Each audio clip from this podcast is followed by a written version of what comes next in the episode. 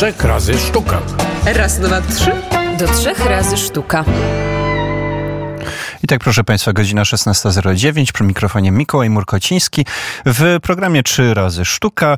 Wyjątkowo Mikołaj Murkociński jest wyjątkowym gościem w naszym studio. Pan Sławomir Koper, historyk, reportażysta, podróżnik. Czy jeszcze coś powinienem dorzucić? Dzień dobry. Coś tam jeszcze by było pewnie.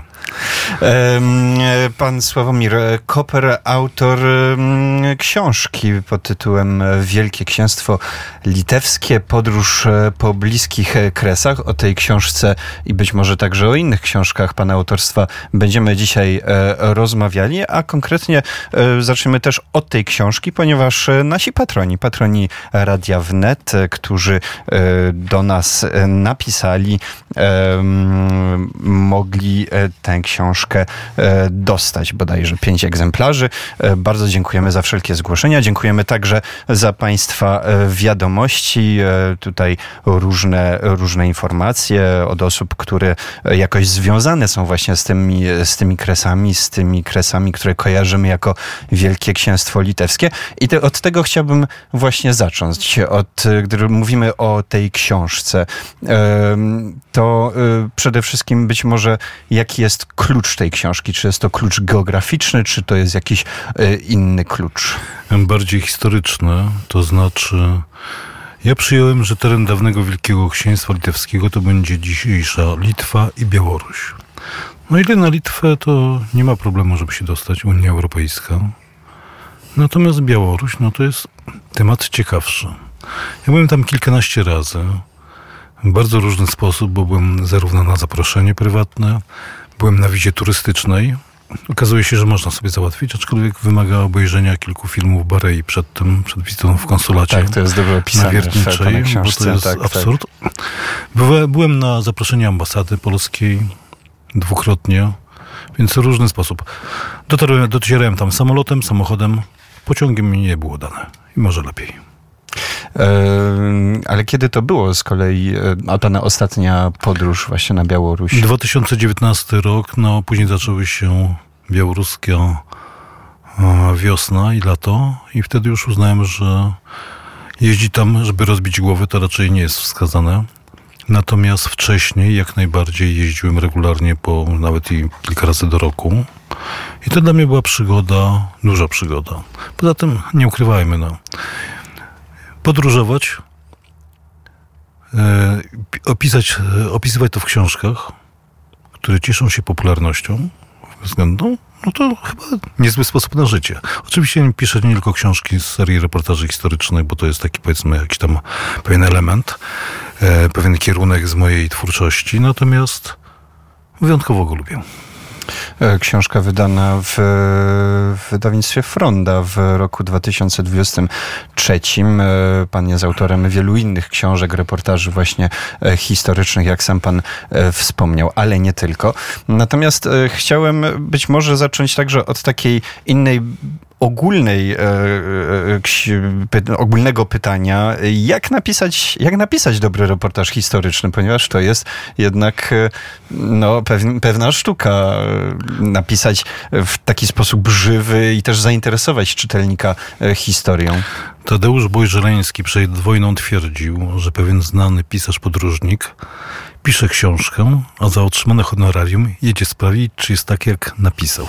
Oczywiście ja tak nie robię, natomiast sytuacja jest taka, że przede wszystkim trzeba po pierwsze reportaż historyczny, czyli dobrze znać tereny, po których się jeździ, historią.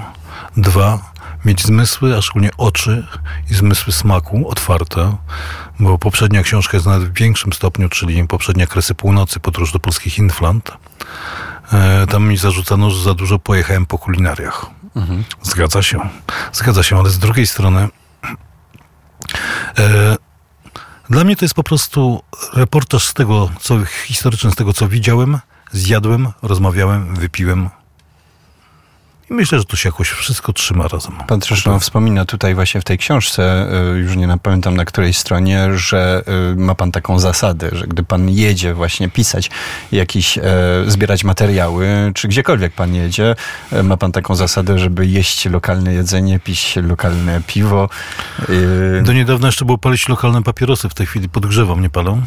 E, trochę się unowocześniłem, natomiast faktem jest, że czasem lokalne papierosy, szczególnie na wschodzie, no to było ciężkie przeżycie.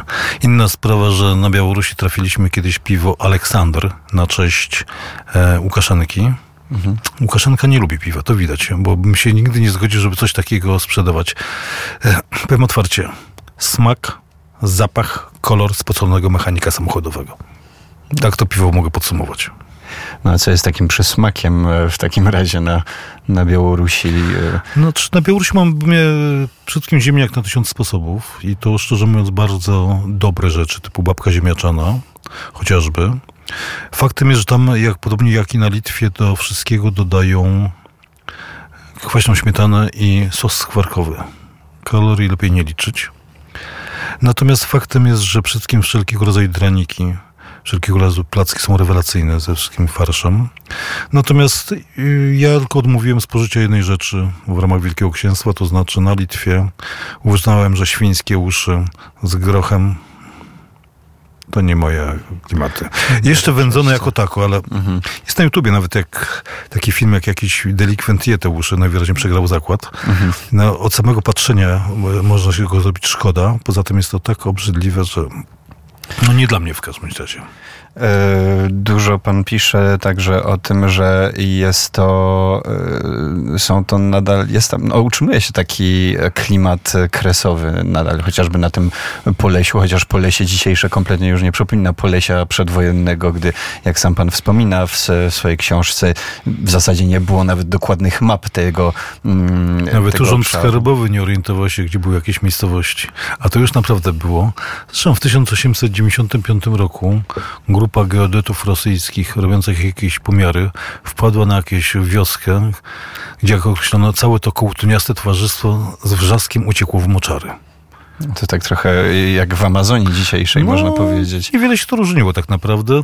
Tak naprawdę zresztą proszę zwrócić uwagę, jeżeli była nawet działania wojenne w czasie I wojny światowej, czy II, czy polsko-bolszewickiej, był front na, na północ od Polesia i na południe. Mhm. Na samym Polesiu nie dało rady nic zrobić. Mhm.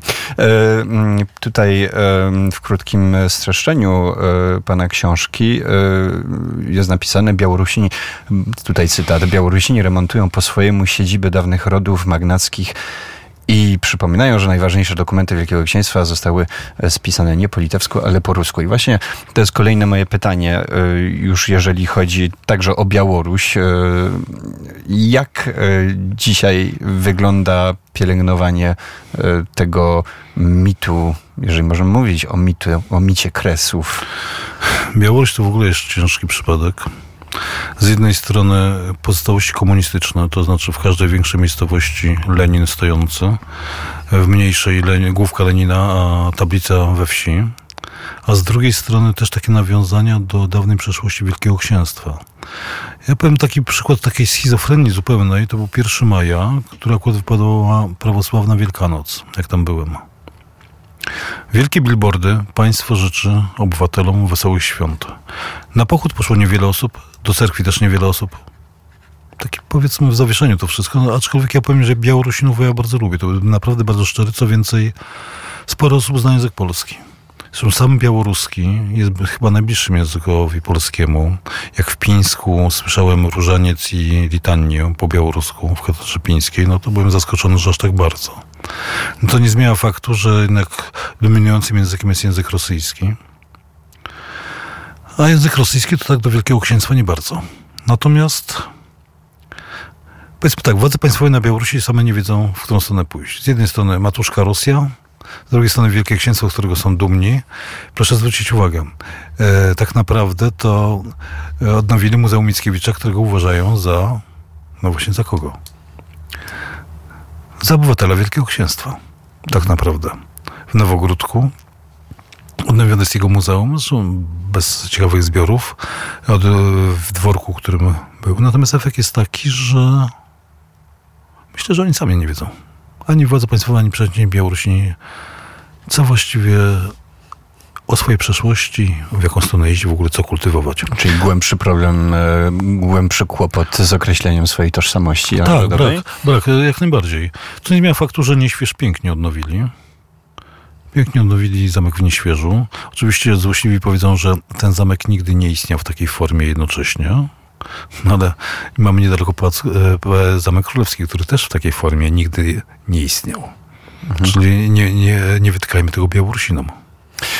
Tak, e, no być może taką tożsamością byłaby ta, ten tygiel właśnie, o którym pan e, wspomina, o którym wsp- wspomina pan przytaczając też Kapuścińskiego, który się urodził w Pińsku i, i, i wracał do tego miasta po, po, po wojnie.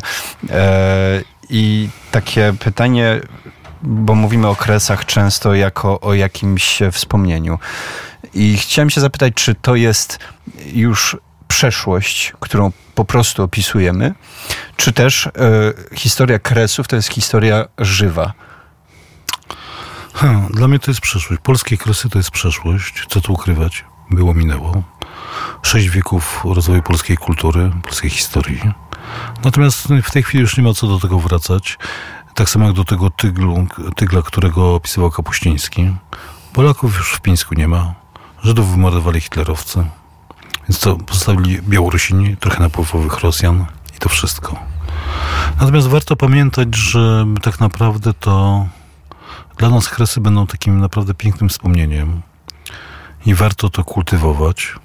Natomiast historia wydała takie wyroki, a nie inne. No, a z perspektywy mm, Białorusinów, e, czy też e, Litwinów, no w końcu oni też byli częścią tych e, kresów. My to nazywamy kresy, natomiast oni, dla, czy dla nich również to jest jakaś taka składowa tej tożsamości?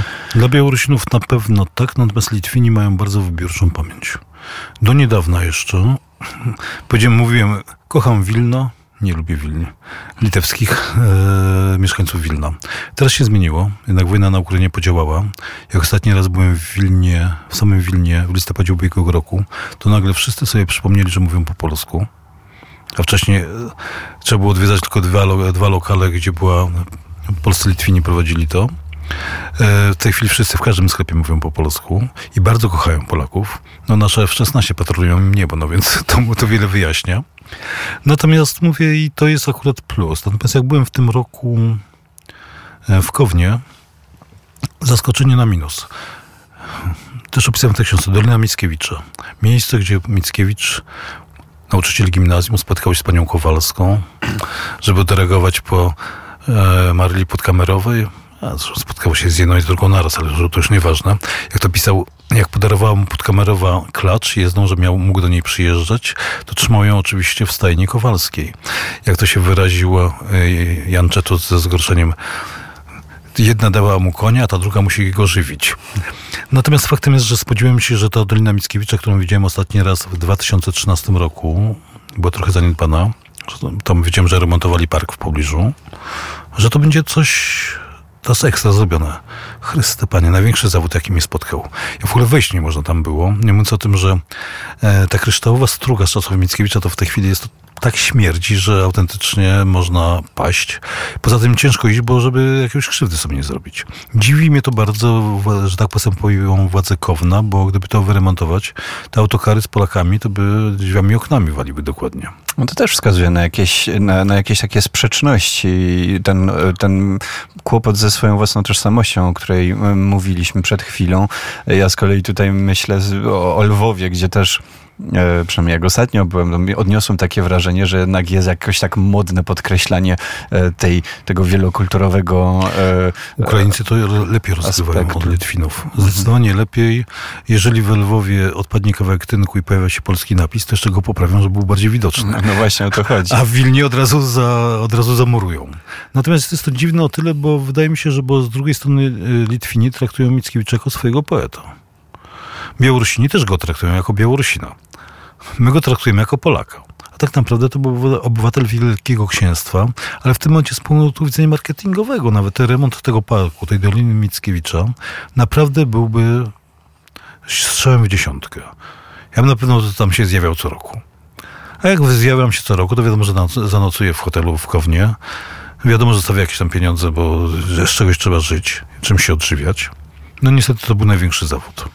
E, pytanie być może może się wydawać prozaiczne, banalne, ale e, często mówimy, e, że no, historycy to opisują przeszłość, ale w dzisiejszym kontekście, jak można wykorzystać e, historię Kresów? Czy w ogóle da się wykorzystać historię Kresów, żeby próbować budować jakąś wspólnotę też w kontekście e, wyzwań geopolitycznych e, aktualnych? Czy to w ogóle jest możliwe? No z Litwinami okazało się, że jest możliwe, jak Putin zaczął pukać do ich bram, powiedzmy.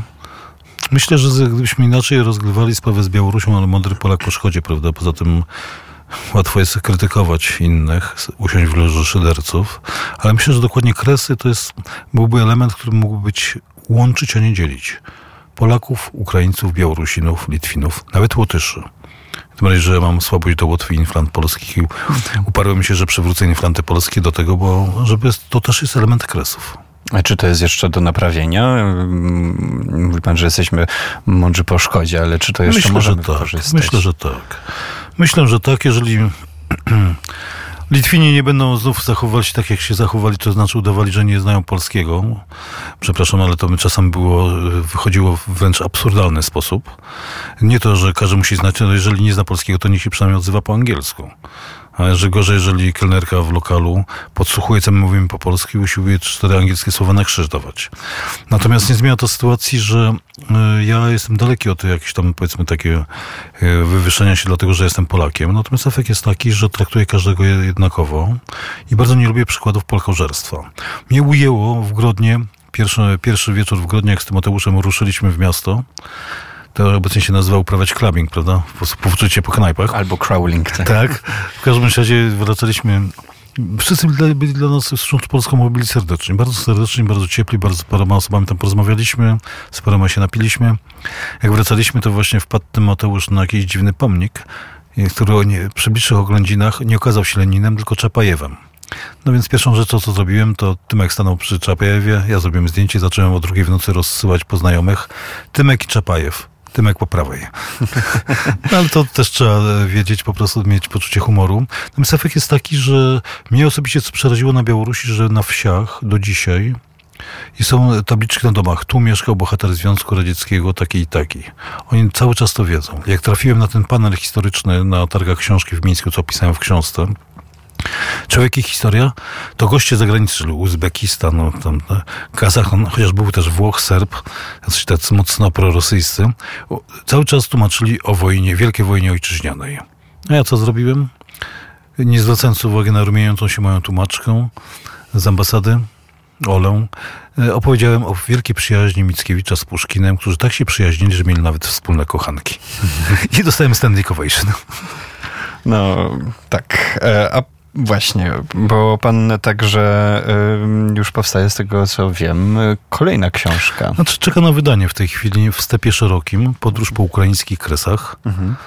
Natomiast ja w te, czyli kolejny cykl kresowy, natomiast ja w tej chwili piszę książkę z tego samego cyklu o Toskanii, mhm. do której jeździłem wielokrotnie. Zacząłem ją pisać w trakcie pierwszego lockdownu, żeby oderwać się od tych ponurych rzeczy. Odstawiłem później, teraz Teraz ją dokończę. No co? Dokończę. Piszę ją w każdym razie. Jakoś mi się dziwnie rozrasta. Te, planuję także książkę o Sycylii, bo zjeździłem e, wiosną tego roku. Spędziłem 7 dni na Sycylii, z czego 5 jeździłem na wynajętym Fiacie Panda poza Palermo, 2,5 tysiąca kilometrów 5 dni po górzystej wyspie. To chyba niezłe osiągnięcie w gruncie rzeczy. Tak. Jeszcze parę innych rzeczy. Poza tym ja mówię, ja kocham podróżować. Ja w tym roku spędziłem, odwiedziłem 46 hoteli spędziłem 101 nocy w hotelach. Oczywiście część to była podróże po spotkaniach autorskich, ale większość to było, załóżmy, najwięcej z tego to było właśnie Nowerzy Inflanty, e, Czechy, e, Bawaria, Lombardia. No, nie powiem, nie powiem, że mi się nudził. Mm, Czyli można powiedzieć, że taki model trochę Indiana Jones, jeżeli... No, powiedzmy bardziej ostatniego nomady historycznego. Ale właśnie historia, i to myślę, że trzeba podkreślać, że, że historia, to, historia to jest żywa, a nie niekoniecznie musi się kojarzyć tylko i wyłącznie z uwiecznianiem e, przeszłości. Bardzo panu dziękuję, Dziękuję za, bardzo. za rozmowę. E, Bardzo także dziękujemy raz jeszcze naszym patronom, którzy, e, mam nadzieję, będą mieli przyjemność e, przeczytać e, książkę e, Wielkie Księstwo Litewskie, Podróż po bliskich kresach. Małgorzata Kleszcz, zapraszam Państwa na dalszą część popołudnia do trzech razy sztuka. Jest godzina 16.33, a ze mną w studiu pan profesor Andrzej Kalina, artysta, malarz. Dobry wieczór, panie profesorze. Bardziej grafik. Grafik też, y, artysta może być. Tak, może być. y, którego pracę od czterech dni oglądać można w warszawskiej Kordegardzie. Y, To wystawa zatytułowana Moja Polska Przestrzeń. Prace głównie tworzone w okresie pandemii. I takie pytanie, czy zauważył pan, że w trakcie pandemii, to pierwsze będzie pytanie, zmienił się trochę pana styl? Znaczy zdecydowanie rys- na tej wystawie nie tylko, bo są rysunki, które powstały w czasie pandemii, ale też są obiekty graficzne, które powstały też w tym roku, większość. I ta grafika, przepraszam, ta wystawa się składa z dwóch części, z rysunków, które po raz pierwszy premiera jest na tej wystawie i obiektów też. E, takich rysunków wcześniej nie robiłem nigdy w takiej formie. Zawsze były najpierw szkice do grafiki. Wybierałem, to była taka kolejność zresztą jak wielu twórców. Ale nigdy nie pokazywałem jak odrom, odrębnych swojej twórczości w postaci rysunków. Ale jak pan to zauważył? Czy to było tak, że, e, że, że w trakcie tworzenia e, pan się zorientował, że, że ten styl się zmienił? Czy pan po postanowił, że te emocje, które towarzyszą w tym, e, w tym okresie, tak, tak nakierują na to, żeby te prace były inne? Kiedy było to zorientowanie, ta świadomość tego, że, że styl się trochę zmienił, że prace są inne? Znaczy zdecydowanie, bo sytuacja się zmieniła. Nie mogę jeździć do pracowni, bo ja mieszkam na Ursynowie, a pracownię mam na Woli, na Ogrodowej. Zamknięcie, samotność, wykluczenie z powodu choroby sprawi, sprawiło to, że zacząłem szukać innych środków wyrazu, które są będę przede wszystkim swoje emocje ukazywał. I te rysunki są bardzo różne w formie, w kolorze. Bo czasami byłem bardziej wyciszony, a czasami byłem bardziej przygnębiony, kiedy słyszałem komunikaty no, zatrważające o śmierci wielu ludzi, prawda? Nie tylko w Polsce, na całym świecie. I bezradność człowieka, zdecydowanie, nie tylko mnie jako twórcy, ale jako człowieka, który też żyje w Polsce i tworzy w Polsce. Zresztą tak zawsze byłem, że moja twórczość się zmienia. Moja twórczość jest taki rodzaj autorskiego, graficznego filmu, albo w tym wypadku rysunku, w który się odnoszę do sytuacji. Zawsze tak było, że formę próbowałem znaleźć taką, która jest odpowiednia treści w tym momencie, tu i teraz. Ponieważ kończyłem w 80 roku, to te emocje były różne. Od emocji powstania Solidarności, smutnych rzeczy y, związanych ze stanem wojennym. Tak samo tu na tej wystawie są obiekty, gdzie ja się odnoszę do tradycji, do ducha, do wiary, do tych takich rzeczy, których też są bardzo smutne, bo jeden z obiektów y, w takich dla mnie, które sakrum się nazywają. Jest to forma, której ja się odnoszę też do smutnych polskich rzeczy, jak Katyń, y, żołnierze wyklęci. I ta wystawa jakby się składa z dwóch części, gdzie formy, jakie użyłem, są bardzo różne. Metal, szkło, y, różne formy, jak matryce swoje akwafortowe, czy suche igły w obiektach i do rysunków, które wykonywałem na papierze, które były zapisem mojego stanu ka- każdego dnia. I dlatego one są tak różne, od form abstrakcyjnych, przedstawiających, do bardzo ekspresyjnych, krzyczących. Ja sobie nie radziłem po prostu z tymi emocjami i to był rodzaj mojej takiego znalezienia i też uspokojenia się, wyciszenia się. Co pan chce powiedzieć e, oglądającym e, tą wystawą, tymi pracami? Jaki to jest komunikat głównie? Znaczy komunikat jest taki, że niezależnie jaki zawód uprawiamy, ja się odnoszę do artystów, którzy jeszcze tworzyli na przykład w obozach koncentracyjnych swoją twórczość. To było jak Józef Szajna, gdzie ten obóz wywarł pobyt w obozie w Auschwitz, na całą jego twórczość. Y, artysta przede wszystkim te emocje, które zacząłem pokazywać i rysując, one przestały we mnie już istnieć i dlatego ten cykl się skończył. Ja już nie wrócę do takiej formy rysowania, ponieważ już nie ma, chociaż oczywiście zdarza się teraz, że ten COVID, COVID wraca, ale ja nie chciałbym zbyt dłużej, bo COVID jest tylko sytuacją, tak jak każde inne. Jak przyjdzie jakaś smutna, radosna rzecz, to ja będę się odnosił w relacji yy, człowiek, człowiek, społeczeństwo, polityka, polityka, społeczeństwo. To zawsze ma dla mnie znaczenie i formę zawsze, jak powiedziałem wcześniej, podporządkowuję do treści. Dużo smutku, o którym pan mówi, ale y, jak się ogląda pracę, to dużo koloru i koloru czerwonego, koloru e, różowego, e, mhm. czyli e, i więc wręcz takie, takie krzykliwe. Nie jest to zdecydowanie czerni biel, tylko bardzo dużo tego koloru jest w tych no, pracach. Ta forma też chciałem przez ekspresję, przez kontrast pokazać, że te moje emocje czerwień, czerwień, zieleń, to są takie kontrastowe bardzo kolory y, na dwóch przeciwnych biegunach. A czasami są no, znaczy zimne i ciepłe, ale czasami są bardzo delikatne. Także czas, bywały chwile, że ja byłem bardziej wyciszony. Te emocje nie zawsze, u każdego człowieka nie można ciągle na wysokim C być, prawda? Czasami gdzieś trzeba też szeptem powiedzieć o, o rzeczach ważnych, a czasami wyrazić tą formą, no, ekspresją, no, krzyczeć po prostu.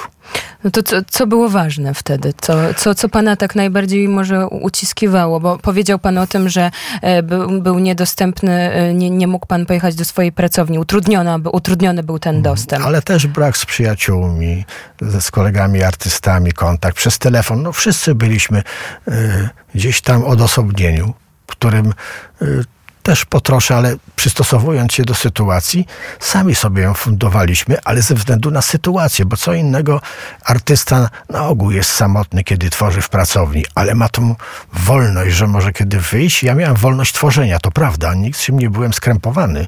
Czy mogę coś narysować, czy nie mogę narysować. Dlatego one są, tak pani widzi, bardzo mocne, czasami no, przerażające, one też dla mnie, ale tak było, że ja byłem czasami bezradny po prostu jako człowiek. Jako artysta. Wolność tworzenia, a, a po drugie e, ta, to wydarzenie, które tragiczne, ale mogę chyba powiedzieć dzięki niemu po, po, powstało to, powstała ta wena, czyli to też jest przypisane artyście, że musi być e, e ta, no nie wiem, dobrze jest może, jeżeli coś takiego się też wydarzy, dlatego, że to później dzięki temu powstają dzieła, powstaje coś, co po, po, powstaje powód do przekazania czegoś. To prawda, no przecież zawsze tak było, jak przypomnimy sobie grafiki Goi, okropności wojny, prawda? Lepiej, żeby wojny nie było. Ja pomyślałam A... akurat o Jerzym Nowosielskim znowu. On, tak. mi, on mi tak w głowie też wraca ze względu na to, że to rok Jerzego Nowosielskiego, mm -hmm. wielka wystawa obecnie trwająca w Zamku mm -hmm. Królewskim w Zachęcie, mm -hmm. więc ten mhm. artysta wraca, wraca do mojej głowy. No i też tak było, że dużo tych no wydarzeń tak, on, trudnych, które on potem... wraca oczywiście. Myślę, że dzięki tożsamości, rodzinie, wszystkim rzeczom, które ja już wiele lat tworzę, to nawet w takich sytuacjach ja mimo nawet tragicznych informacji, ja potrafiłem się skupić na, na tworzeniu. Chociaż nie było łatwo, bo czasami było, że po prostu podejmowałem się coś narysować i po prostu nie wychodziło, że więcej było emocji niż spokoju, takiego twórczego, nie wolności, ale spokoju. I one są dlatego tak różne, bo moje emocje było tak jak wahadło, raz w lewo, raz w prawo. Nie da się czasami, nie ma powodu. Oczywiście wolałbym rysować z innego powodu, ale zawsze twórca jest takim sumieniem społeczeństwa, sumieniem narodu, dzięki tej nie lepszej wrażliwości, ale że zwraca uwagę. Ja nigdy swoją twórczością nie chcę kogoś ukierunkowywać, wyznaczać, jak ma podążać w swoim życiu. Ja, ja przede wszystkim mówię o chce? sobie. To jest komunikat o sobie. Tak. E, oko i obraz to są te e, prace, które powstały podczas, podczas pandemii. Znaczy to pani e, Folga Januszewska pisząc tekst tak to nazwała, ale wystawy naz, nazywa, znaczy sama wystawa nazywa Moja Polska Przestrzeń. Ja to traktuję, co się w Polsce dzieje. Na pewno bym był innym twórcą, chodzi o formę, o charakter moich grafik, o nastrój, metamorfozę, symbolizm, że on by był inny, jeśli by mieszkał w innym kraju. Zdecydowanie, bo ja się odnoszę do tych rzeczy, które są tuż za oknem, obok mnie. To ten projekt, można powiedzieć, że trwa cały czas, Moja Polska Przestrzeń. Czy zamknął go pan e, i teraz jest e, coś nowego? Czy... Znaczy myślę, że nie, bo ja tworzę to, co jak powiedziałem wcześniej, tu i teraz się dzieje, a wcześniej był taki cykl wystaw, które robiłem, moja podróż. Ja dosyć dużo sam podróżuję, moja rodzina podróżuje i ta przestrzeń jest w galerii. To jest moja przestrzeń, której ja prób spróbowałem tam, oprócz rysunków też są rysunki na szybach, są to różne obiekty, jest ziemia, trzcina, takie elementy, które ja też odnoszę się yy, do takich bardzo przyziemnych, jak ziemia, woda, powietrze, światło, Dzięki Ży każdy człowiek istnieje, dzięki tym, niezależnie jaki zawód uprawia. I też trochę tych prac, które powstały nie w tym okresie pandemicznym. Proszę o nich opowiedzieć, te, które też teraz w Kordegardzie zobaczymy. Znaczy, to jest ta druga część, to były rysunki, to są obiekty. I w tych obiektach to są takie ramki 50, też 50 na 50, drugi forma 25 na 25 kwadraty. E, tam zapisuję czas, który minął, są portrety, jest portret mojej mamy, mojego przodka Gustawa Daniłowskiego. Jest grafik, obiekt graficzny poświęcony żołnierzom wyklętym.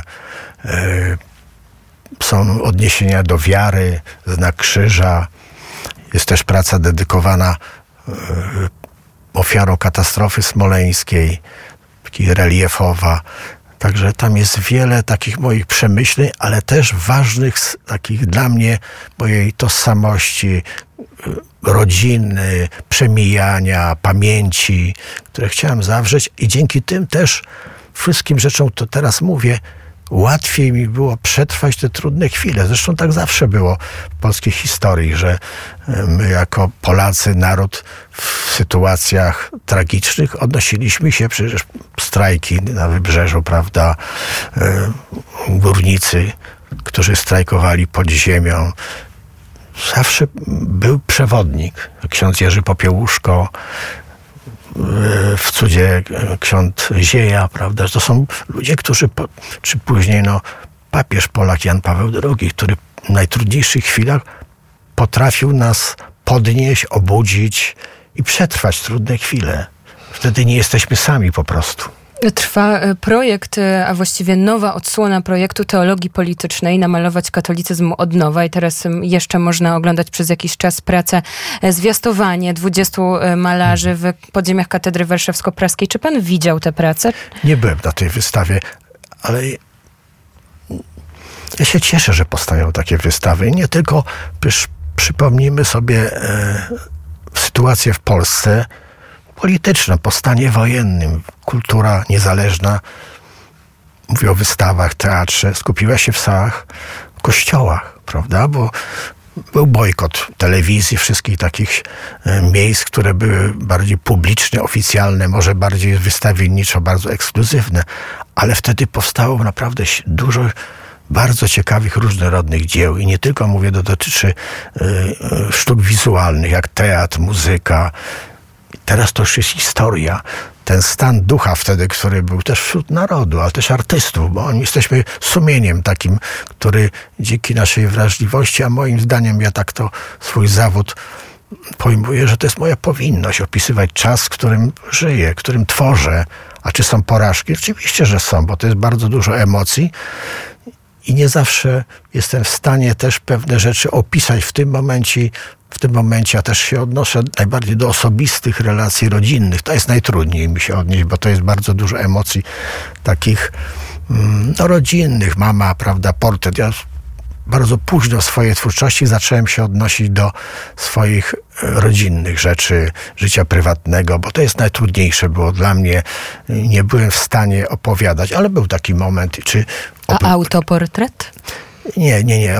były portrety, ale to były portrety artystów w takiej technice, która moją autorską było to gipsografie. To są odbitki gipsowe, czy są bardzo kruche, ulegają zniszczeniu. To tam były portrety Kantora, Szajny, artystów Picassa, artystów, którzy byli dla mnie bardzo inspirujący w sensie nie powtarzania, nie powielania ich, ale ich stosunek do życia, e, do twórczości, do tego, co widzieli, ich też taki charakter no, zmieniania sztuki świata poprzez swoją sztukę, szukania nowego swojego miejsca. Każdy artysta marzy o tym, e, czy to grafik, żeby znaleźć swoje miejsce, e, żeby było tak my się różnimy, każdy tu, nawet pani, ja w studio, to każdy też twórca chce, żeby nie na siłę, że nie siedzę i myślę, teraz muszę coś takiego zrobić, że nikt nie. To wynika z pewnej chronologii.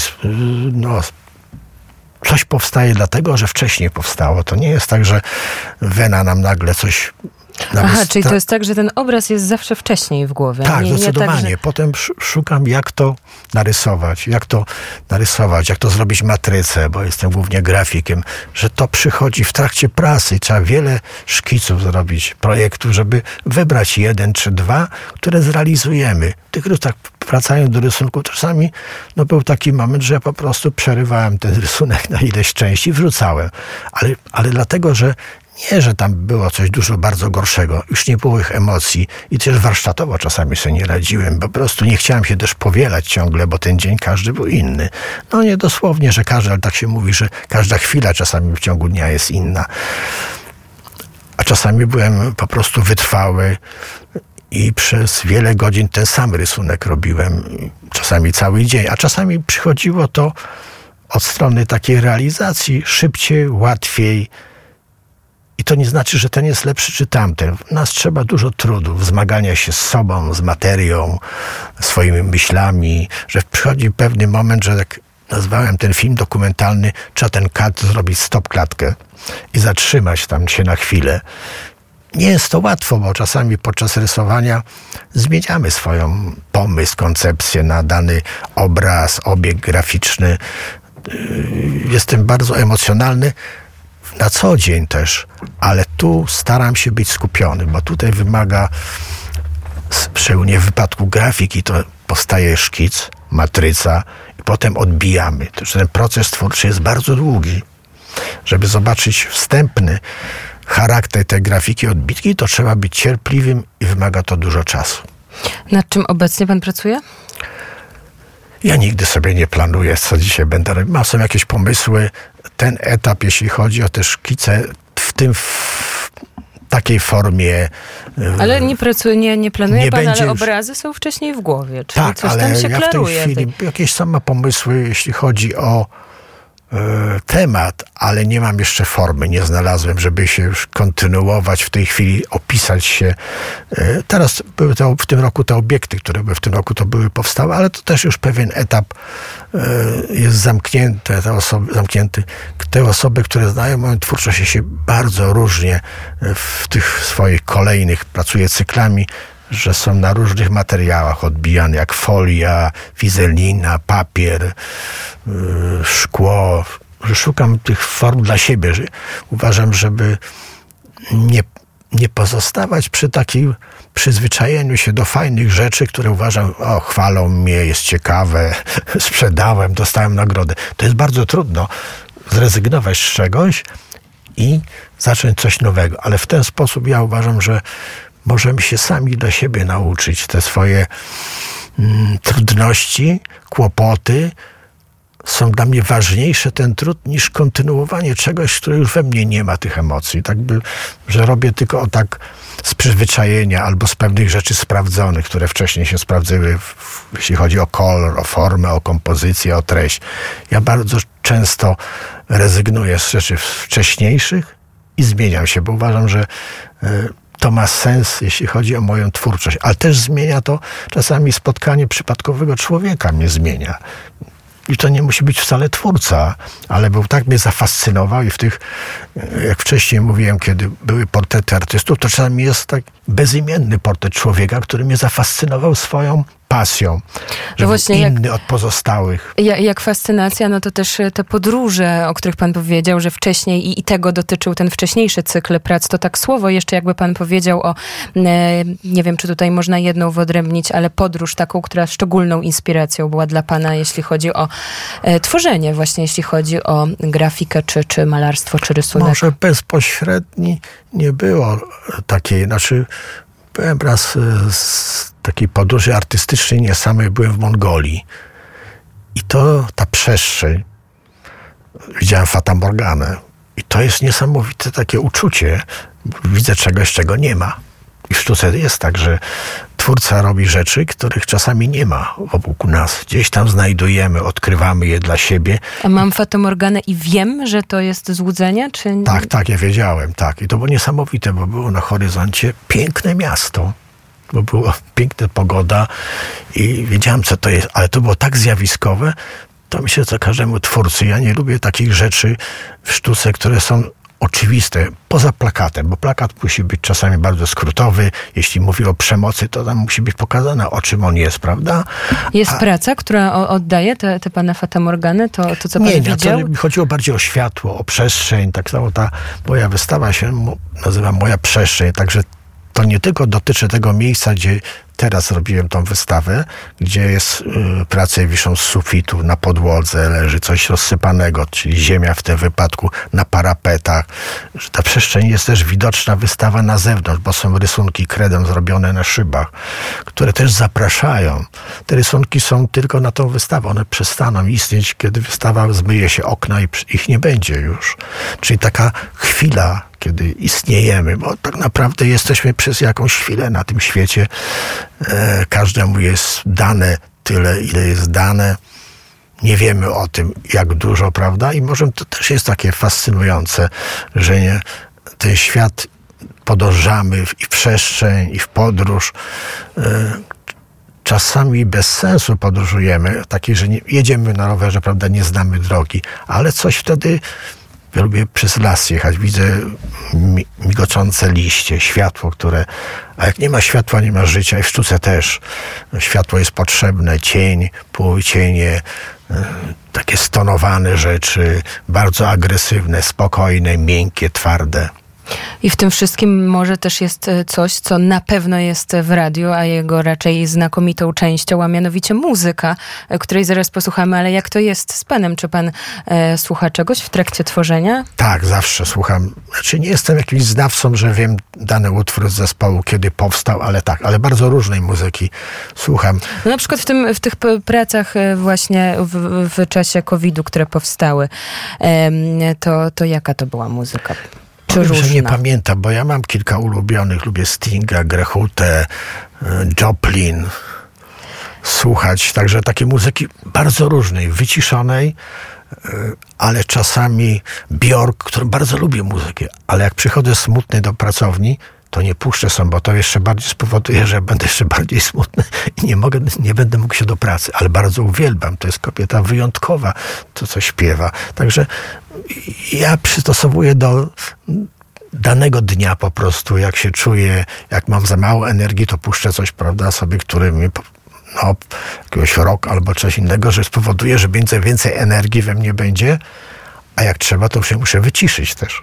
I dzisiaj pan także może wybrać, bo mamy Janis Joplin i Marek Grochuta, to e, pan profesor Andrzej Kalina, który jest moim gościem, wybierze utwór, ale państwa jeszcze zaprosimy, zanim posłuchamy Moja Polska Przestrzeń. Od czterech dni e, można oglądać pracę Andrzeja Kaliny właśnie w warszawskiej Kordegardzie przy Ministerstwie Kultury i Dziedzictwa Do 21 stycznia. Do 21 stycznia. To Joplin. To Janis Joplin. Dziękuję za rozmowę. Ja też dziękuję, bardzo miło było. I zapraszam Państwa na drugą godzinę audycji kulturalnej do trzech razy sztuka, 17.06. Dzisiaj można powiedzieć, że naprawdę jest do trzech razy sztuka, bo chociaż nie ma Konrada Mędrzeckiego, za którym bardzo tęsknimy, tak Hania Tracz i Mikołaj Murkociński w pewnym sensie współprowadzą ze mną tę audycję. Dzisiaj byłam z Hanią Tracz w wspaniałym antykwariacie przy na Placu Trzech Krzyży. To jest myślę, że świetny kierunek. Jeżeli Państwo jeszcze nie mają prezentów e, świątecznych, to w antykwariacie naprawdę jest, jak to się mówiło, tak e, mydło i powidło. I naprawdę jest wszystko wspaniałe gerciny, przepiękne grafiki, e, gazetki, oczywiście książki, ale także figurki. Nagrałyśmy tam rozmowę. Posłuchamy jej za chwilę. Dzień dobry Państwu. Jesteśmy w antykwariacie na Placu Trzech Krzyży w Warszawie, antykwariacie Kosmos i rozmawiamy z panią Batą Zachorską, która jest antykwariuszką i pracuje tutaj już jakiś czas. Dzień dobry. Dzień dobry. To ile to lat tutaj? No już ponad 30. Ja tu pracuję od 1987 roku. Opowiedzmy o tym może, jak to miejsce się przez te, te ponad 30 lat zmieniało. Jak się zmieniało? No najpierw był to y, antykwariat Domu Książki, który y, został tu przeniesiony z alej y, z ulicy Świętokrzyskiej i podzielony na dwa. Zajął miejsce, to się nazywało wydawnictwa importowane. Był, tak, była księgarnia i był antykwariat. I o tym właśnie pisze Libera w tej swojej książce Madame, czyli o tych poprzednich antykwariatach. A antykwariaty naukowe zawitały tutaj właśnie we wczesnych latach 80. Był po lewej stronie bramy Logos i po prawej my Kosmos. To znaczy odwrotnie, bo ja się tak mówię jak siedzę, czyli od środka. Przychodzą ludzie? No pewnie. Gdyby nie przychodzili, to by nas nie było. Nie ma oczywiście tłumu, bo kiedyś to tu były kolejki do kasy i do pakowania, zwłaszcza przed świętami.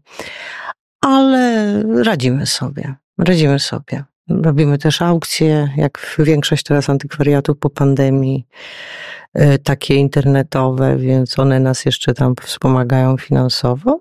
Dzieje się, mamy bardzo dużo wiernych klientów, takich, którzy przychodzą faktycznie od lat. To po co najczęściej e, przychodzą, czego ludzie, którzy tu przychodzą, szukają? Czy to są jakieś takie specyficzne bardzo wymagania, czy przychodzą i mówią, potrzebuję coś, prezent? Potrzebuję prezentu. Na już najlepiej. I co im wtedy pani mówi? No, pytam o zainteresowania tej osoby, która y, ma być obdarowana, bo często y, klienci mają pomysł na prezent, ale bywa też, że nie mają. No i co, no, kupują obrazki, stare grafiki, czasopisma, które my tu mamy w ogromnej ilości, przedwojenne i jeszcze starsze. Tak, y, nie, nie brakuje tutaj tego. Patrzymy na grafiki, faktycznie całe mnóstwo. Człowiek y, mógłby tutaj spędzić y, nawet, nawet dnie. Ale ja byłam świadkiem dzisiaj takiego dialogu z klientką, która powiedziała, pani coś wyszukiwała w internecie, informacji o wydawcy czy czymś podobnym i, i, i odparła na to klientka, o, jak to szybko pani robi. A pani na to, no, że internet w tym pomaga. Ale pani jeszcze pamięta i, i pracowała tutaj, jak ten internet nie pomagał w tym, jak wtedy wyglądał ten proces tego wyszukiwania informacji? Było przerzucać książki po prostu. No my mamy tam cały, całą ścianę bibliografii naszej takiej służbowej, gdzie jest dużo książek takich yy, fachowych, czasopism też. No i to się w tym szukało.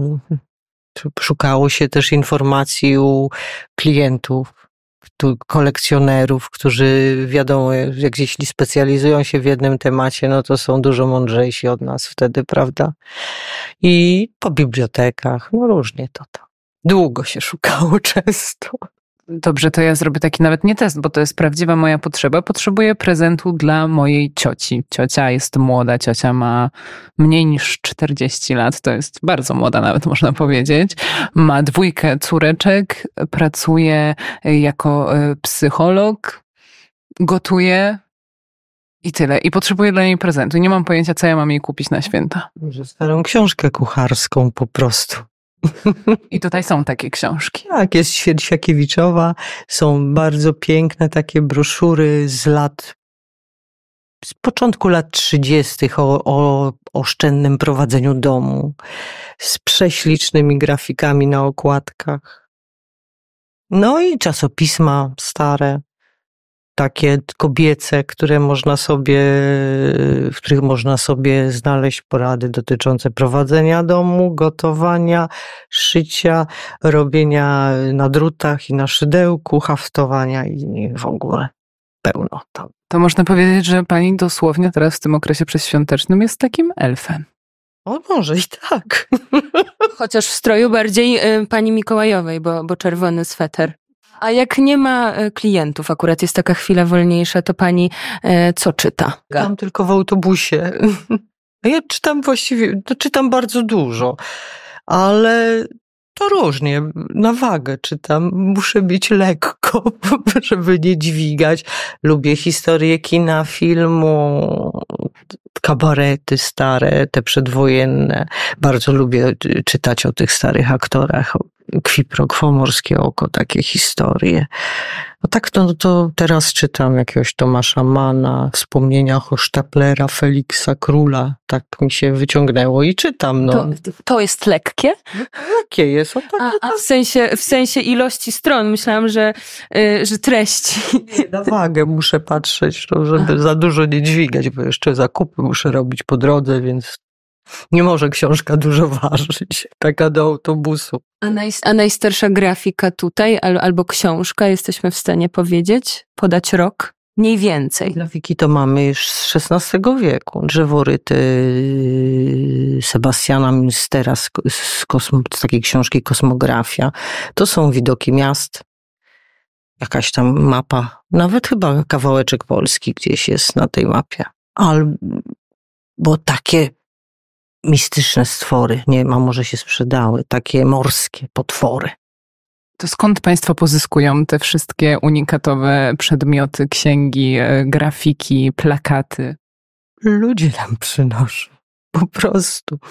Kupujemy czasem na jakichś aukcjach zagranicznych, ale to bardzo rzadko. Właściwie to mamy tak ze skupu. Jesteśmy w tym miejscu już od tylu lat, że no jesteśmy z dość znanym antykwariatem.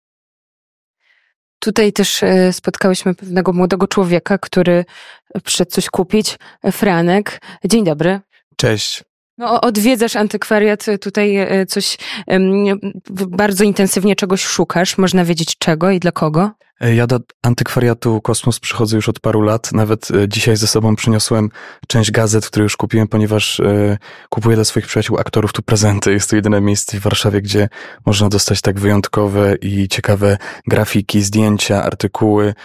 Teraz moi przyjaciele urządzają gabinet dentystyczny, więc szukam wszystkich reklam z lat 30. przepięknych, w szczególności tej Colgate pasty, kremów Nivea. No jest tu tak naprawdę arsenał tych jakichś niesamowitych czarodziejskich artykułów i grafik. Wspaniale. A teraz co oglądałeś? Tutaj patrzę, że z kolei jakieś artykuły bardziej dotyczące filmu. Tak, teraz y, szukam filmu y, plakatu albo artykułu Window na szafot. Y, też zaraz będę się rozglądał za Hitchcockiem z 38 roku. Tak, więc no tutaj bywam, bywam często. Cały klient. Tak, nuty są przepiękne nuty, wydanie własta jest tutaj, znaczy nie wiem czy jeszcze jest tu może pani antykwariuszka mnie poprawi, może się sprzedał, ale był jeszcze w wakacje egzemplarz Złotej Pantery z lat 30. wydrukowany złotą e, oprawą. Przepiękny. Kiwa głową pani Beata. Na nie, na nie. To jest to, prawo w lewo. Niesamowite, niesamowite rzeczy. To jest niepowtarzalne, w ogóle nie ma tego. Także bardzo lubię tu przychodzić. A czasem na co dzień czym się zajmujesz? Jestem aktorem. Czyli dla siebie też tutaj może być jakieś, jakaś inspiracja. Tak. Książek aktorskich pewnie, pewnie są. E, książki, ale też bardzo ciekawe jest to, jak nagle się patrzy na zdjęcia e, swoich e, patronów szkół, którzy byli młodzi i grali, a po czym nagle są w nazwie instytucja, tutaj są żywymi ludźmi na obrazku, więc to bardzo ciekawe jest. Albo inspiracje strojów, bo tutaj też takie grafiki, takie, takie dotyczące mody bardzo piękne. Dziękuję bardzo za rozmowę. Dzięki. A my Państwa zapraszamy do antykwariatu Kosmos. To dokładny adres, to Pani Beato jeszcze poprosimy. Aleje Ujazdowskie 16. Dziękuję. Do usłyszenia. Do widzenia.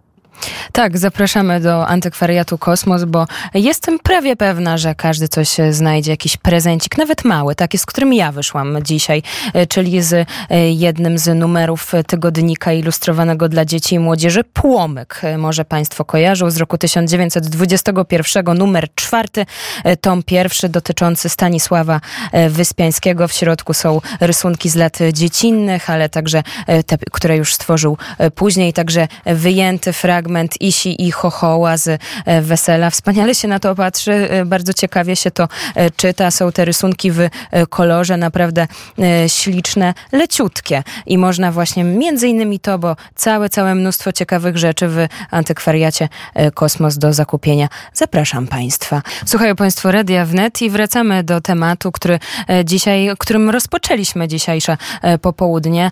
Będziemy rozmawiać o kresach, bo między innymi o tym, bo połączyliśmy się już z panem Tomaszem Kubą Kozłowskim z Domu Spotkań z Historią, który opowie o e, pewnym wydarzeniu, które już w najbliższą środę. Dobry wieczór. Dobry wieczór. Serdecznie zapraszamy, jak zwykle w każdą trzecią środę miesiąca, do Domu Spotkań z Historią na Karową 20. te ostatnie w tym roku opowieści z kresów, cykl, który ciągnie się o już 18 rok, e, poświęcimy przysmakom kresowych stołów. Więc zapraszamy Państwa na multimedialną prezentację Idzie rak, leci kutia, czyli o takich niekoniecznie mm, oczywistych przysmakach kresowych stołów. O ile kutia jest doskonale znana, to zapomnieliśmy kompletnie, że to właśnie ziemie wschodnie, czyli krótko mówiąc kresy.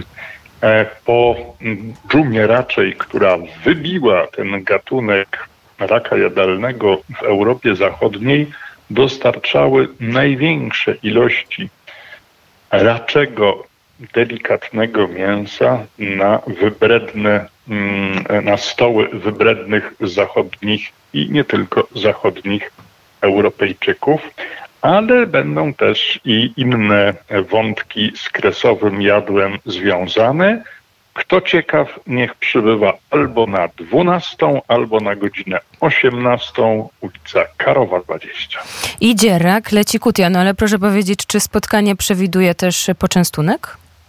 Niestety, niestety bardzo żałujemy, ale tym razem nie mamy takiej możliwości. Może w nowym roku pomyślimy o tym, żeby jakąś e, fetę z mm, autentycznymi kresowymi przysmakami zorganizować. Tym razem będzie to tylko mm, ilustrowana bardzo bogatą, oryginalną ikonografią z XIX i XX wieku prezentacja na ekranie. Ale myślę, że będzie też to i inspiracja do tego, by w okresie świątecznym, noworocznym wykorzystać może którąś z podpowiedzi. Co, coś przygotować. Samemu coś takiego przygotować. No właśnie, może na przykład tego tytułowego raczka, no bo kutia to chyba znamy wszyscy, pewnie też u niektórych znamy, jest. Aczkolwiek kutia kutii nierówna i ta kutia na różne sposoby bywa podawana, przyrządzana, to cała gama kutii, że tak powiem.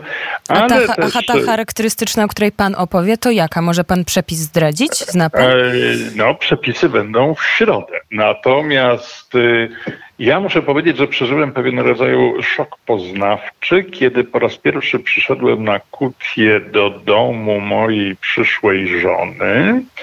I stała na stole kutia, ale daleko odbiegająca od tej, którą ja znałem z mojego własnego domu, przygotowanej przez mamę lwowiankę. Więc o tych różnych y, metodach, sposobach podawania kuti, łącznie z kutią w postaci zupy, e, będzie mowa w najbliższą środę. Ale także. Ale to już tak pan tak podsycił pan e, ten, tę naszą ciekawość. E, oczywiście tym bardziej zapraszamy w środę, ale to, to chociaż niech pan powie, jaką pan znał mm, e, taką kutię, z którą. No, kutia tak naprawdę w dużej mierze była wypadkową zamożności domu, w którym była serwowana. Tam, gdzie była to e, rodzina nie mająca wielkich możliwości, a to przecież tradycja wywodząca się z ziem południowo-wschodnich dawnej Rzeczypospolitej, z historycznej Rusi, dzisiejszej Ukrainy. W Kutii oczywiście było dużo pszenicy, trochę maku, miodu tyle, ile się udało zebrać w okresie letnim, a przecież nie wszędzie były pasieki. E, rzadko kiedy trafiały się tam jakieś egzotyczne bakalie.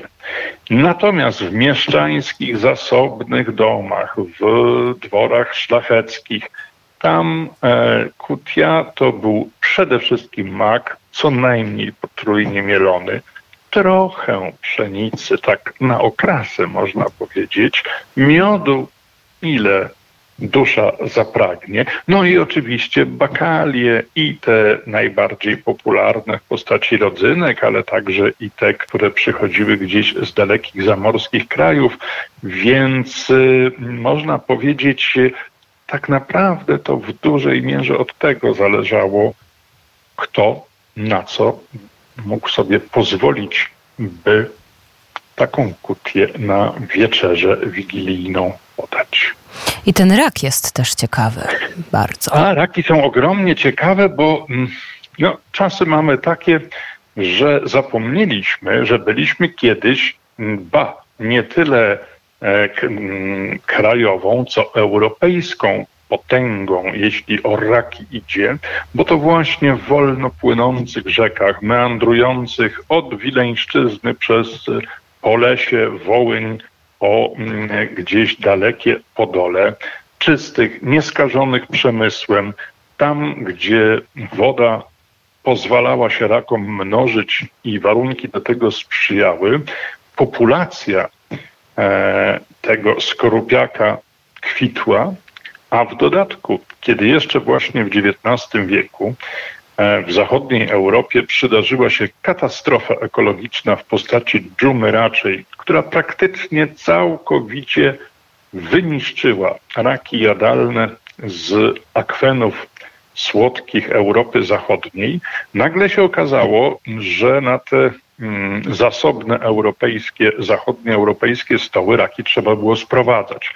Sprowadzano je przede wszystkim zatem z Rosji Romanowych, no a tak naprawdę z ziem wschodnich dawnej Rzeczypospolitej, zajętych pod koniec XVIII wieku w ramach trzech zaborów, bo to właśnie tam e, te raki były na wszelkie możliwe sposoby dostępne, stanowiły także znakomite źródło utrzymania bardzo biednej w końcu miejscowej ludności.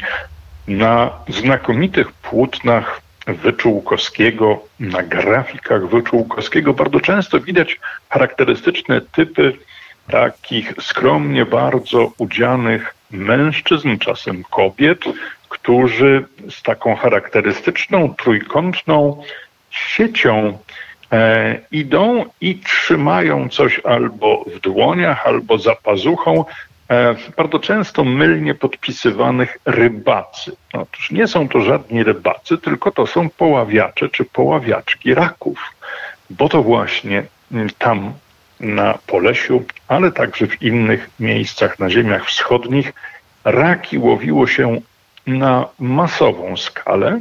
Eksportowało się je via przejścia graniczne pomiędzy Imperium Habsburgów, czyli zaborem austriackim, a zaborem rosyjskim między mm, Rosją carską a mm, e, państwem austro-węgierskim. I na Zbruczu, gdzie mieściła się stacja graniczna w Podwołoczyskach, Miejscowi, przede wszystkim żydowscy kupcy, na potęgę zajmowali się właśnie rozprowadzaniem owych raków, które potem trafiały na stoły w całej praktycznie Europie.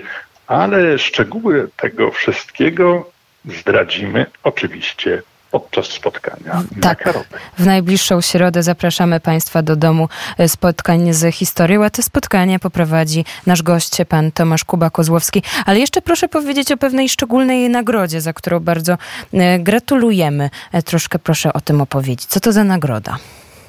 Ach, to ogromny honor i wyróżnienie, bo mm, w miniony mm, tygodniu mm, Instytut Pamięci Narodowej już e, po raz kolejny mm, przyznawał nagrodę Semper Fidelis, którą honorowane są organizacje, stowarzyszenia, instytucje i osoby, które działają na rzecz dziedzictwa ziem wschodnich dawnej Rzeczypospolitej i Polaków tam funkcjonujących.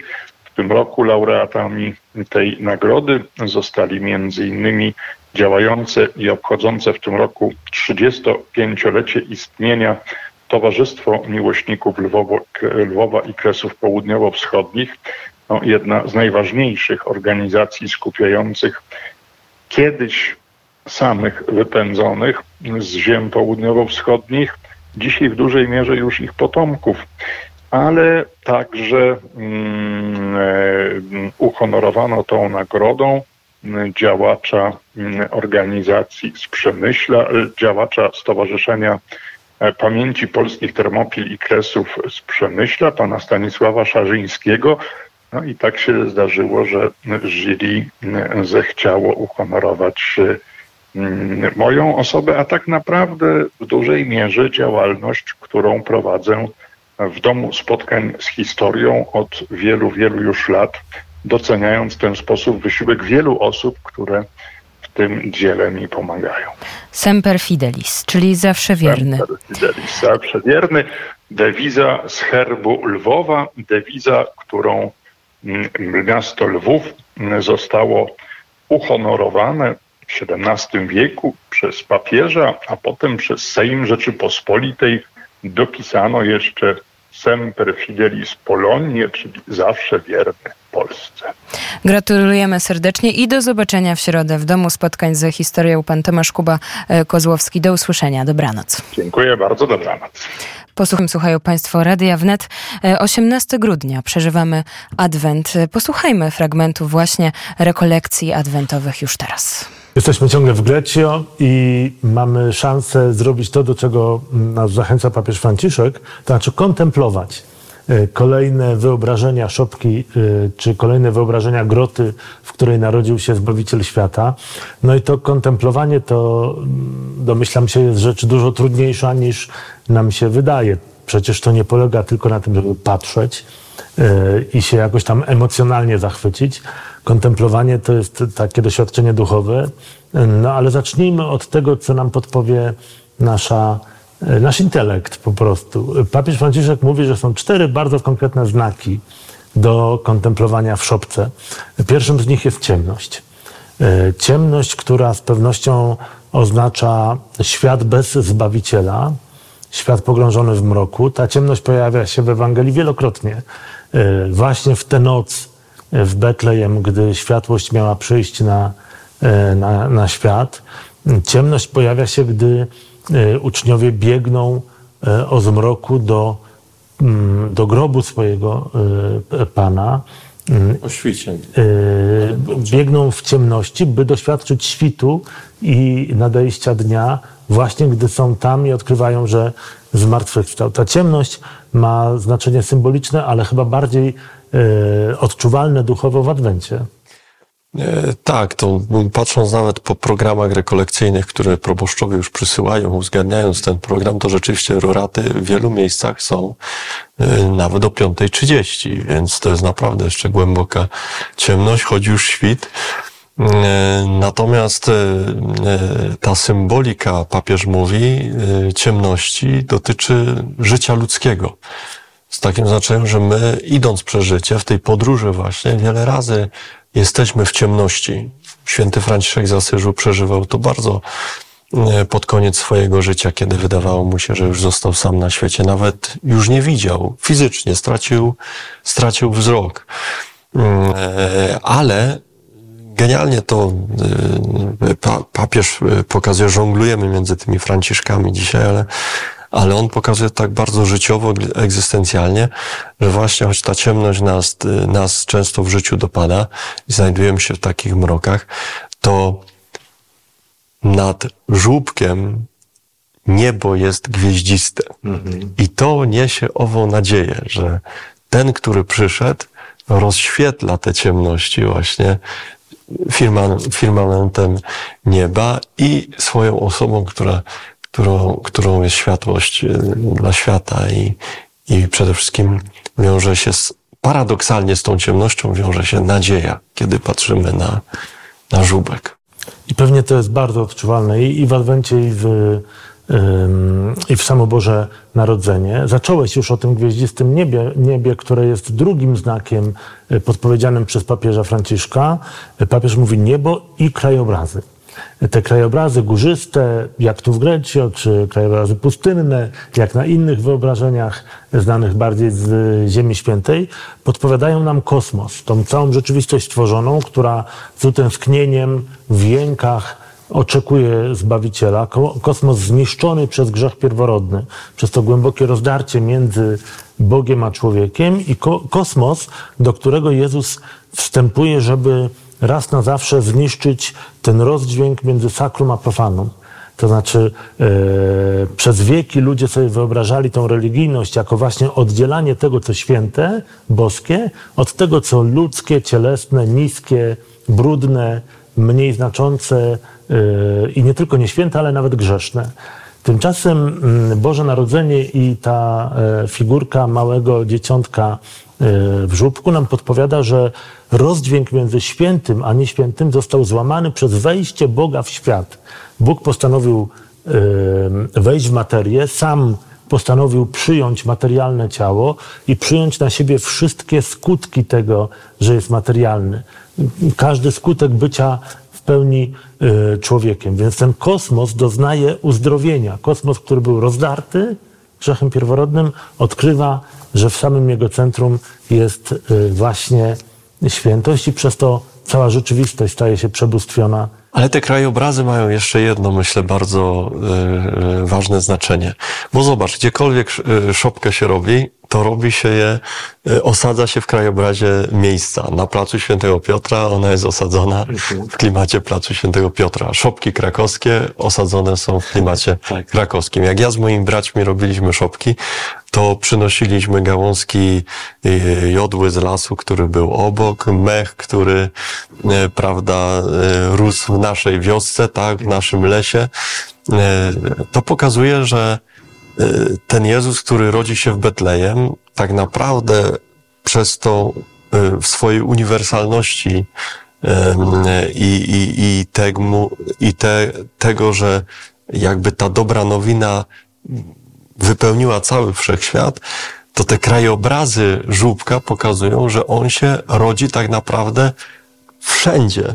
Łatwo można odnaleźć wyobrażenia afrykańskie czy japońskie, świętej rodziny i żłóbka, gdzie wszyscy mają typowo afrykańskie czy, czy typowo azjatyckie twarze, więc rzeczywiście jest tak, jak e, mówisz. To był fragment rekolekcji adwentowych, a Państwo słuchają popołudnia kulturalnego. Mogą Państwo słuchać tego programu oczywiście także dzięki wsparciu naszych patronów na stronie patronite.pl ukośnik Radio Wnet i już dołączyło do nas trochę w ostatnim, w ostatnim czasie kilku marynarzy, a także komandorów, za co bardzo serdecznie dziękujemy. Pan Zbyszek Mieszkowski, pan Piotr Lisiowski, to właśnie ci panowie ostatni weszli na patronite.pl ukośnik Radio Wnet i nas wsparli. W tym momencie jest to 1378 patronów. Bardzo Państwu serdecznie dziękujemy i zapraszamy, zapraszamy, bo miejsca u nas się nie kończą. Zapraszamy do dołączenia do naszej załogi. To jest trochę tak jak z internetem, że e, to tak puchnie, puchnie, tak się rozszerza, rozszerza, ale nie wybuchnie. I, i tak, tak myślę, ale miejsca będą, będą i, i dla Państwa, i, i, i dla każdego. Także zapraszamy na tę stronę patronite.pl ukośnik ukośnik Radio Wnet. Mamy połączenie z naszym patronem, z Bosmanem. Pan e, Krzysztof Martuś dołączył do naszej załogi. Dobry wieczór. Dobry wieczór, witam. I dlaczego pan dołączył do załogi Radia Wnet? Dlaczego pan postanowił zostać Bosmanem?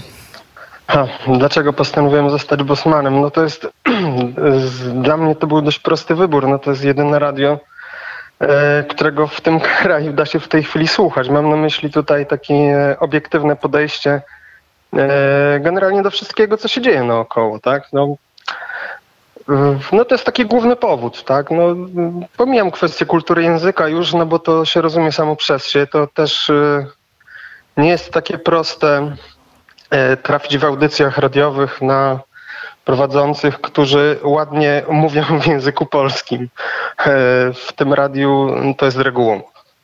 A, a, te audycje, które, których pan najchętniej słucha, to jakie? Albo te, od których pan zaczął i w ogóle odkrył Radio Wnet? To znaczy ja yy, na wstępie to chciałem podziękować mojemu koledze bardzo dobremu Łukaszowi i jego żonie Monice, bo to jest, że tak powiem, ich robota, że słucham tego radia, bo wcześniej o nim nie wiedziałem. Dowiedziałem się jakieś dwa lata temu i tak stopniowo e, wkręcałem się, wkręcałem. E, powiem, że generalnie nie mam jakiejś takiej e, jednej ulubionej audycji. Generalnie to jest jedyne radio, którego słucham. Wszystkie audycje mi odpowiadają. No i no, tak jakby ciężko mi, ciężko mi faworyzować jakąkolwiek audycję. No bardzo lubię generalnie audycje, y, które są prowadzone przez pana Skowrońskiego, przez pana Wybranowskiego również. I to już za chwilę E. o godzinie 18 audycja, którą między innymi pan Krzysztof Skowroński, bo także Mhm. e, pan Wojciech Cejrowski, Dziki Zachód o 18 i będzie pan słuchał? O, to, to tak, oczywiście, to bardzo dobra audycja, tak. Pan Cejrowski jest dość oryginalny w swoich poglądach, niemniej e, e, fajnie się tego słucha bardzo. No, ma jakiś tam swój pogląd na pewne sprawy, z którym niekoniecznie się trzeba zgadzać, ale jest wyrazistą osobą bardzo. A jeśli No. chodzi o, o kwestię muzyki, równie ważną w radiu, e, to Mhm. kiedy, pan, kiedy pan robi głośniej? Kiedy jaka muzyka się, się pojawia na antenie? E, Ja generalnie nie lubię, jak gra głośno. to trzeba od tego zacząć. E, Natomiast e, jedną fajną rzecz, którą dzięki Radiu Wnet ostatnio odkryłem, to niejaki Dildo Baggins. To dzięki panu Wybranowskiemu właśnie w audycji. Kiedyś sobie wyszedłem z Sławkami wieczorem na spacer. E, No i grało, grało, grało i tak mnie wciągnęło, że gra do dziś. O właśnie, tak. To jest duże prawdopodobieństwo, jeżeli włączą Państwo audycję Tomasza Wybranowskiego, na przykład Muzyczny Wtorek, e, to tam się pojawi e, ten muzyk Dildo Mhm. Baggins. A w, w, jakim, w jakim mieście Pan jest? I oprócz słuchania Radia Wnet, to co, co, Mhm. co Pan porabia w tym mieście? E, to znaczy tak, ja jestem w linii prostej od państwa parę kilometrów, bo pracuję na Chełmskiej w Warszawie. E, w branży IT, powiedzmy, szeroko pojętej. I jeszcze Pan Do- dość- nas nie odwiedził w Radiu Wnet. Jeszcze nie. No może będzie okazja, mam nadzieję. Będzie okazja, myślę, że, że będzie okazja, bo już pan jest na naszej załodze, już pan jest częścią Mhm. tego radia, to tym bardziej zapraszamy. Krakowskie Przedmieście 79. A to E, wiem akurat. E, O właśnie, no, jest kawa, jest herbata, jest widok, jest, jest balkon e, Mhm. z widokiem, także serdecznie pana zapraszamy. I teraz takie kilka utworów i wśród nich Dildo Baggins, więc być może właśnie na niego pan się zdecyduje, ale jest także Wanda i Banda, którą słuchamy, której słuchamy dzisiaj właściwie przez cały dzień. E, Magda Bożyk to, to taki utwór e, spokojniejszy, to co najchętniej z tej trójki? No jednak e, numer jeden wydaje mi się. To jest takie odkrycie, jedno z odkryć tegorocznych moich. No, podkreślę dzięki panu Wybranowskiemu, bo wcześniej nie miałem okazji tego słuchać. No i no, chętnie, chętnie sobie odświeżę, chociaż w zasadzie to znam na pamięć już wszystko. No to, e, no to w takim razie ja chętnie poznam. Nie spodziewałam się, że w mojej audycji e, będę puszczać Dildo Bagginsa, ale e, to właśnie są niespodzianki. Pan Krzysztof Martuś z Warszawy był naszym gościem. Patron, Bosman, patronite.pl, kośnik Radio Wnet na tę stronę wszedł jakiś czas temu już i postanowił zostać częścią Radia Wnet. I teraz wybrał Dildo Bagginsa, którego będziemy słuchać. Dziękuję bardzo. Dobrego e, Dziękuję wieczoru. bardzo. I tygodnia, Wesołych bo, świąt. bo, bo właśnie się zaczyna. Wesołych świąt. I niespodziewanie w audycji do trzech razy sztuka Dildo Baggins z utworem Kevin Sam na wiosnę. 17.57 to już e, ostatnie e, minuty dzisiejszego e, popołudnia. Żegnam się z Państwem, ale ze mną w studiu już jest Krzysztof Skowroński. Dobry wieczór, panie redaktorze. Dobry wieczór pani redaktor. Właśnie piszę do pana Jacka Sariusza Wolskiego SMS-a, bo chciałbym, żeby jutro o godzinie e, 7.15 wystąpił w poranku wnet. Już zapraszam państwa na poranek wnet. Nie wiem, czy powie tak, czy powie nie e, w sprawie traktatów europejskich. Czy może, czy nie może, krótko mówiąc. Czy się obudzi, czy się nie obudzi. Tego nie wiem, ale mam nadzieję, że tak. Mam też taką nadzieję, ale wiem, kto się obudzi, a przynajmniej kto zapowiedział, że będzie gościem Łukasza Jankowskiego, Radosław Fogiel o godzinie 8.10 wywiad wnet jutro. Zapraszam do poranka. Będzie też e, profesor Gontarski, który będzie opowiadał o tym, e, co dzieje się w polskim wymiarze sprawiedliwości w czasach e, ministra Bodnara, no i parę innych osób, więc e, zachęcamy Państwa do tego, żeby wstać rano razem z nami i pomyśleć sobie, o czym, Małgosiu, słuchacze powinni sobie pomyśleć. O tym, żeby odwiedzić stronę na przykład patronite.pl ukośnik radiowne. To po wysłuchaniu e, poranka albo w przerwie na e, pogodę, albo na jakiś e, utwór. patronite.pl ukośnik radiowne. I zostać na przykład bosmanem albo, albo marynarzem. No I poprowadzić nas na, w kierunku e, nieznanej wyspy. Będziemy na takiej wyspie, która jeszcze nie ma nawet geograficznych, e, nie, nie wiadomo gdzie, gdzie leży. Dopiero trzeba ją odkryć. Będziemy na niej, prawdopodobnie dopłyniemy do niej 2 stycznia, jeżeli w ogóle dopłyniemy. Jeżeli nie istnieje, to, to, to jaki obierzemy nie, kurs? E, nie, ona istnieje, tylko nie wiadomo gdzie. Ona A. się wyłoni. Ona będzie nowa wyspa wulkaniczna. Ale to tym ciekawiej. E, godzina 18, już teraz studio Dziki Zachód. E, ja Dziki odchodzę Wojciech od mikrofonu, Cejros mówię Państwu na pewno jest gdzieś w okolicach. dobranoc. Jeszcze go nie ma. Nie dobranoc.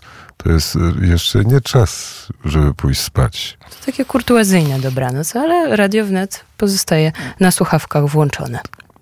I nie tylko. Nie tylko na... Nie tylko, nie tylko na moich słuchawkach w drodze powrotnej z radia. Pani Małgorzata udaje się na pływalnię.